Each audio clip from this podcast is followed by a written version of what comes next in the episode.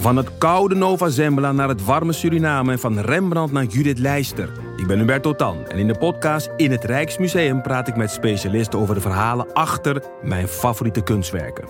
Nieuwsgierig? Beluister nu de nieuwe afleveringen. Je hoort mensen willen zeggen dat het boek beter was dan de film, maar wij van Boeken FM streven naar om de podcast beter te laten zijn dan het boek. Wij lezen de klassiekers die je nog niet gelezen hebt. We lezen de boeken die je heel graag wil lezen, maar waar je eigenlijk voor schaamt om in het publiek mee gezien te worden.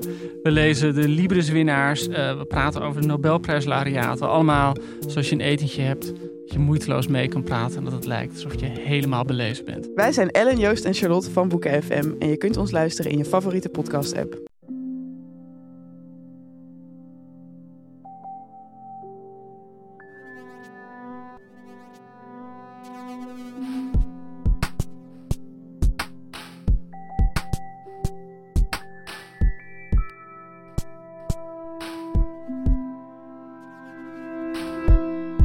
Hey, ik ben Pieter van Relaas. In Relaas hoor je waargebeurde verhalen en die worden verteld door de mensen die ze zelf hebben meegemaakt. Die mensen hebben die verhalen verteld live in huiskamers in Gent, Antwerpen en Brugge. Als je zin hebt om dat eens live mee te maken, koop dan zeker een ticketje voor een van onze vertelavonden. Dat kan via onze website of via Facebook. Maar deze podcast die krijg jij sowieso gratis. En dat is dankzij onze vrienden van de show. Zij geven ons elke maand een klein financieel duwtje in de rug, 2 euro of meer per maand. Zo snel kan het gedaan zijn. En een van die vrienden van de show is Inge, een nieuwe vriendin van Relaas. Inge, dankjewel. We gaan samen luisteren naar het relaas van June. June die heeft iets heel ergs meegemaakt. Maar ze is eruit geraakt. De pijn die haar is aangedaan heeft ze vastgenomen en ze is er sterker uitgekomen. En let op, June beschrijft hoe zij seksueel misbruikt is. Dus als je het daar moeilijk mee hebt, dan sla je dit relaas beter over.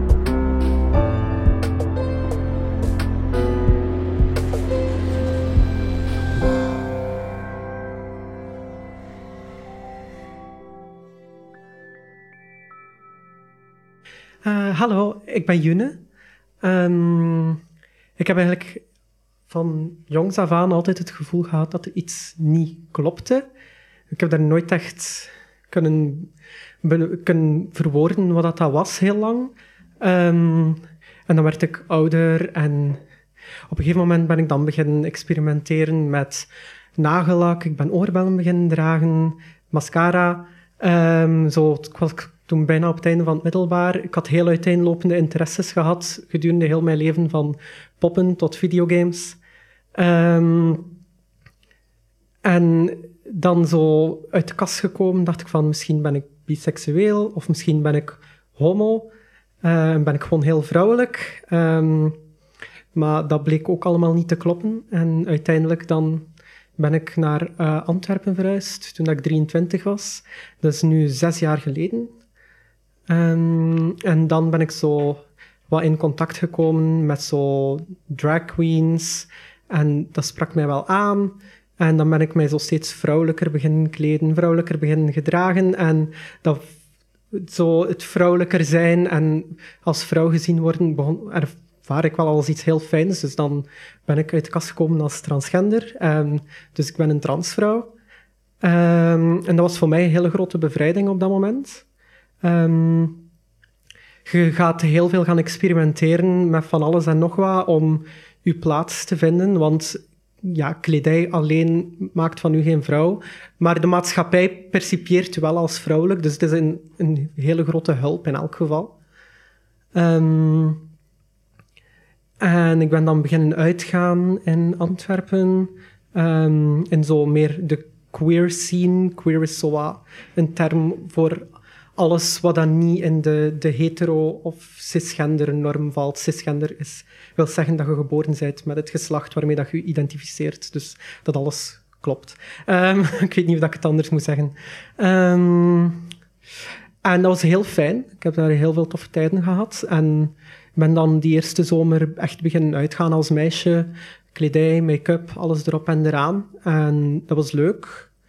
En op een avond zat ik dan in, in een bar in Antwerpen, uh, dus waar dat er ook veel andere queer mensen waren. Ik was daar alleen uh, en er was een man met mij beginnen praten. uh, was allee, op zich een toffe man. Het was een heel aangenaam gesprek. En die begon mij te trakteren. En die bleef bij maar trakteren. En op een gegeven moment hebben wij elkaar dan ook gekust. En dat was eigenlijk... Ja, dat liep allemaal heel gemoedelijk, heel tof. Uh, ik begon wel heel dronken te geraken na een tijdje. Uh, dus ik wou dan ook zo naar huis. En dan had hij zoiets van, ja, weet je, ik wil ook naar huis. Uh, ik zei van, ja, oké, goed. Um, maar ja, dus uiteindelijk dan stelde hij dan voor aan mij om, om samen een taxi te nemen. En dat die taxi dan zo eerst mij thuis afzette en dan verder reed naar zijn hotel, want het was een toerist. Het was een, een toerist uit, uit Nederland, denk ik. Um, en um, dus we zijn dan in die taxi gekropen, want dat klonk wel als een goed idee. Weet je, iemand die met u een taxi deelt, dat is geld uitgespaard. En dan zei hij ook van, weet je, ik betaal gewoon op het einde alles, je moet er niet mee inzetten. Dus was ze van, ah ja, oké, okay. ik was ook vrij zat, dus ik had zoiets van, alles is goed voor mij als ik maar thuis raak. Um, toen dat we in die taxi zaten, begon die mij nogal veel aan te raken. Um, ik wist zelf niet zo goed hoe dat ik daarop moest reageren. Uh, want de fase waar ik op dat moment zat in mijn leven was uh, niet gemakkelijk. Ik was net uit de kast gekomen als transgender. Ik ging echt nog maar net uit als vrouw. Dus um, de relatie tot andere mensen en tot mezelf en mijn eigen lichaam lag op dat moment vrij moeilijk. Um, we hebben dan... Allee, hij heeft dan zo een aantal lichte seksuele handelingen uitgevoerd, zo heel subtiel bij mij taxichauffeur heeft daar niet echt op gereageerd, want er zat zo een glas tussen. Je kunt dat soms hebben in de taxi. Dat er zo'n een, dik glas tussen jullie zit. Dus, en die was gewoon gefocust op de baan. Um, ik wist totaal niet hoe dat ik daarop moest reageren. Ik was vrij zat, maar ik wist wel dat ik dat niet wou. En seksualiteit was op dat moment heel moeilijk, want ik haatte eigenlijk alles aan mijn lichaam op dat moment. Uh, dus ik wou niet dat er iemand anders daarmee in aanraking kwam of dat zou zien.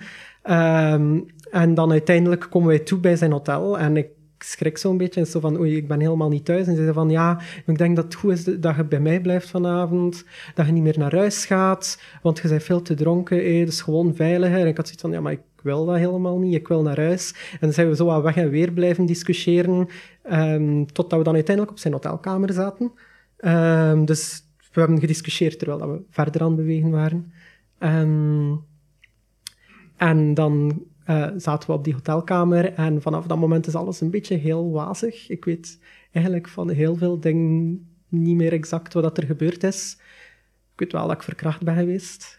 Um, dat was niet zo leuk. um, dus uh, hoe lang dat, dat geduurd heeft, ik denk niet vrij lang. Uh, maar zoals ik zei, het is allemaal heel wazig. En dan op een gegeven moment ging die naar het toilet. En dan was alles plotseling weer helder in mijn hoofd. Ik ben rechtgestaan. Ik heb geld genomen uit zijn tas en ik ben naar buiten gelopen en ik ben blijven lopen en blijven lopen totdat ik een taxi tegenkwam. Uh, en die taxi heeft mij dan naar huis gebracht. Ik heb kunnen betalen met zijn geld. Um, en dan uh, ben ik thuisgekomen. Mijn huisgenoten waren er niet. Die zaten alle twee toen, uh, toen in Brugge in die periode. Um, dus ik eh, ben dan in bed gekropen en daar heb ik dan twee dagen doorgebracht. Ik ben niet naar buiten gegaan, ik heb amper contact gehad met mensen. Ik kon daar ook niet over praten. Het heeft jaren geduurd voordat ik daarover kon praten. Ik heb heel lang proberen te doen alsof dat ik gewoon betast was geweest, lichte aanranding of zo, wat dat ook erg is, maar niks al te serieus. Um, maar naarmate dat je dan dat, dat je dan daar verder voorbij gaat, komt dat ik allemaal wel zo... Ja, begin dingen een plaats te geven en begin toe te geven van ja, ik ben verkracht geweest. Maar ik voelde mij op dat moment ongelooflijk vies en vuil. En ik had niet het gevoel dat ik daar met iemand over wou praten. Zeker niet naar de politie gaan, want lol, die gaan je dan allemaal vragen beginnen stellen daarover. En daar heb je echt geen zin in op dat moment.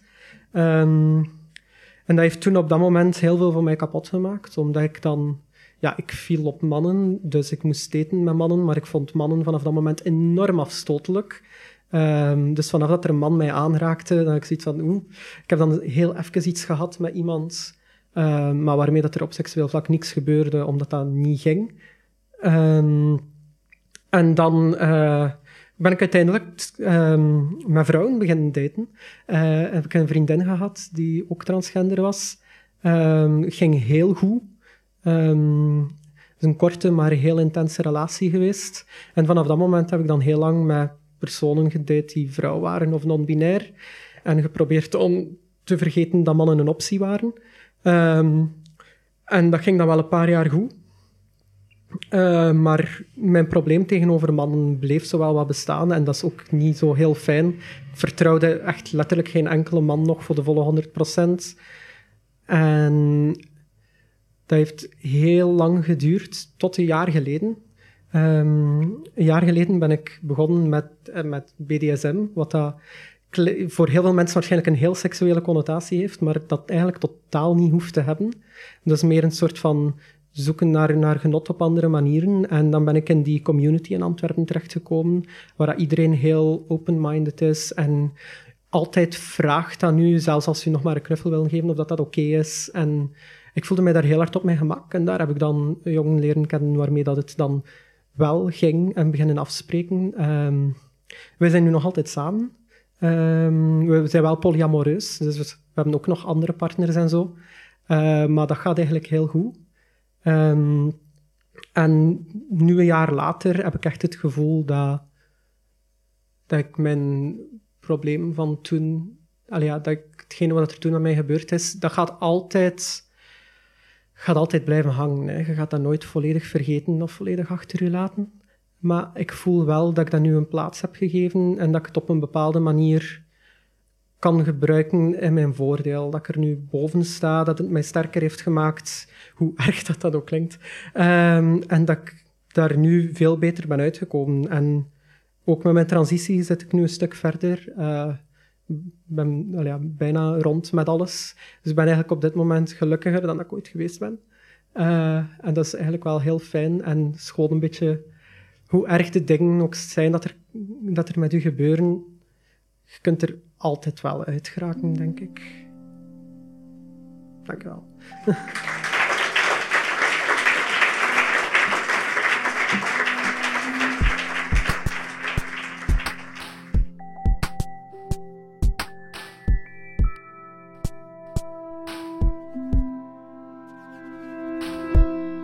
Dat was het relaas van Jule. Ze heeft het verteld in cultuurcentrum Korf in Brugge in de herfst van 2022.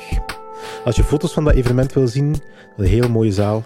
Ze staan op onze Facebookpagina, er staan er ook een paar op Instagram. En op Facebook en op onze website kom je trouwens ook te weten hoe je zelf zo'n live relaasvertelavond kan meemaken. Dat is sowieso een aanrader, al moet je dat natuurlijk van mij niet geloven, ik ben een beetje bevooroordeeld. Maar ik zweer het u. De relaasvertelavonden komen tot stand dankzij de afdeling cultuur van de stad Gent en van de Vlaamse gemeenschap. En de verhalen die komen tot stand dankzij de vrijwillige inzet van een heel team. Mooie mensen die verhalen gaan zoeken, die ze coachen, die ze op een podium zetten en er een podcast van maken. En we hebben ook een clubje van vrienden. Clubje Vrienden van Relaas. Die eenmalig om de maand een duit in het zakje doen of elke maand opnieuw, zodat ze deze podcast gratis kunnen blijven houden. Jij kan ook vriend van onze show worden. Dat kan via vriendvandeshow.be slash relaas. En dan krijg je van ons exclusieve verhalen.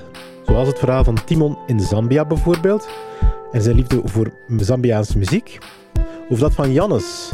En waarom hij wist dat het een slecht idee was toen hij Mission Impossible wou spelen in de badkamer van zijn ouders. Dankjewel om te luisteren en tot een volgende relaas.